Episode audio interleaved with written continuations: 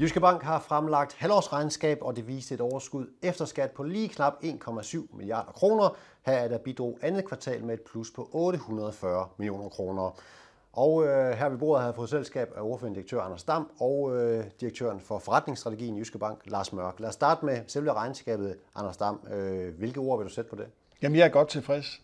Jeg er tilfreds med, at vi har været i stand til at øge indtjeningen per aktie op til 24,5 øh, kroner per aktie nu her ved halvår, svarende til cirka en fremgang på 10 procent. Vi præciserer vores årsforventninger til at ligge i den øvre ende af intervallet fra 44 til 50 kroner, og dermed også i den øvre ende intervallet efter skat øh, på 3 til 3,4 milliarder kroner. Vores underliggende forretning er i fin fremdrift. Vi har en pæn fremgang i netto-renteindtægter og udlån. Gebyrerne følger godt med. Øh, leasingaktiviteterne er pæne. Selvfølgelig er vi ramt, ligesom alle andre, af, af negative kursreguleringer herom på den uro, der har været øh, på de finansielle markeder.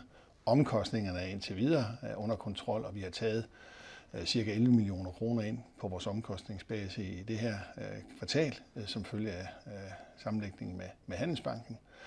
Og så har vi på nedskrivningssiden, der må vi sige, at vores kunder indtil videre har det godt. Derfor er vi bestand til at tilbageføre et pænt beløb. Så det munder ud i, at vi for cirka 9. kvartal i træk øh, ligger med en gennemsnitlig indtjening lige rundt 1 milliard kroner før skat, og det synes jeg er et rigtig godt resultat. Men fremadrettet, I, I skriver også i regnskabet en kommentar om, at der, der er udsigt til lavkonjunktur af, af uvist omfang og, og, og længde. Hvad er det for ting, du ser i horisonten, som måske kan, kan påvirke Jyske Bank? Jamen det er jo klart, at forsyningskrisen er eskaleret nogle steder, og andre steder er den ved at komme under øh, kontrol som følge af Ukrainekrisen og transportproblemer fra Fjernøsten osv. Energipriserne er igen lidt på vej ned. Vi har til sydenlandet haft lidt positiv vækst i dansk økonomi i anden kvartal. Så sådan overordnet set, så har vi ikke et klart billede af, hvor vi havner henne.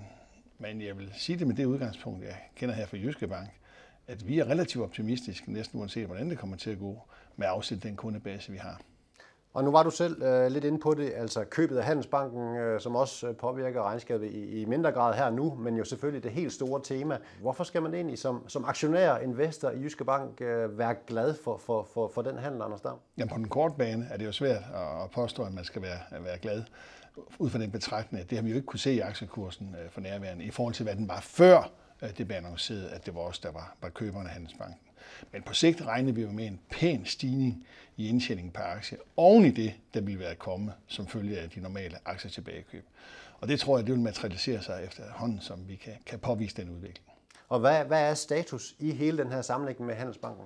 Jamen, det er derfor, vi har Lars Mørk med. Er der en, der ved noget om det, så er det Lars Mørk, som jo er hovedansvarlig øh, for den integration og det opkøb. Så jeg vil gerne give stafetten videre til Lars. Ja. Så får du lov til at svare på det, Lars. Øh, hvad, hvad er status her nu, når vi snakker sammenlægning med Handelsbanken? Jamen, vi er ved at gøre os klar til closing, øh, og vi sagde jo i forbindelse med købet, at vi forventede, at det var i fjerde kvartal i år, og det arbejder vi efter. Så vi har sendt vores øh, fusionsanmeldelse ind, sådan så konkurrencemyndighederne kan se på det nu. Og vi er i gang med at forberede os med alle de aktiviteter, der skal til, for at vi kan drive banken godt videre fra closing. Så det er det, der primært foregår nu. Og siden vi var sammen sidst, der har vi så også fået den tilbagemelding fra øh, Lokalbolig, at de ikke vil bruge den forkøbsret, de har haft på Handelsbankens aktier. Og det betyder jo, at de har valgt, at Jyske Bank skal være den fremtidige ejer. Og det er vi rigtig godt tilfredse med. Det er en øh, meget veldrevet kæde, og vi glæder os til at kunne arbejde sammen med dem. Og hvis alt går efter planen, så får vi så også en godkendelse af det øh, i fjerde kvartal i år. Og, og nu snakker du lidt om de her godkendelser. Altså, er der, er der nogen som helst sandsynlighed for, at den her, den her handel ikke skulle blive godkendt af, af konkurrencemyndighederne, som du vurderer det? Altså, vi er øh, under de ting, man normalt ser på, som markedsandelsforhold osv., så, videre, så vi ser ikke, at der skulle være nogen udfordringer i det. Og hvornår kan man sige, kan man så forvente som, som kunde eller som medarbejder i de to banker, at hele den her sammenlægning mellem de her to banker, at den er faldet endelig på plads? Jamen, der er to væsentlige datoer. Den ene dato, det er i forbindelse med closing, som vi som sagt forventer i år. Øh, og der forventer vi at kunne drive Handelsbanken videre på en rigtig god måde, så det vil sige, at Svenske Handelsbanken stepper ud, og Jyske Bank stepper ind, øh, og sørger for, at øh, kunderne også har en god oplevelse dag et efter det her. Og så kommer der en anden meget væsentlig dato, og det er migrationen.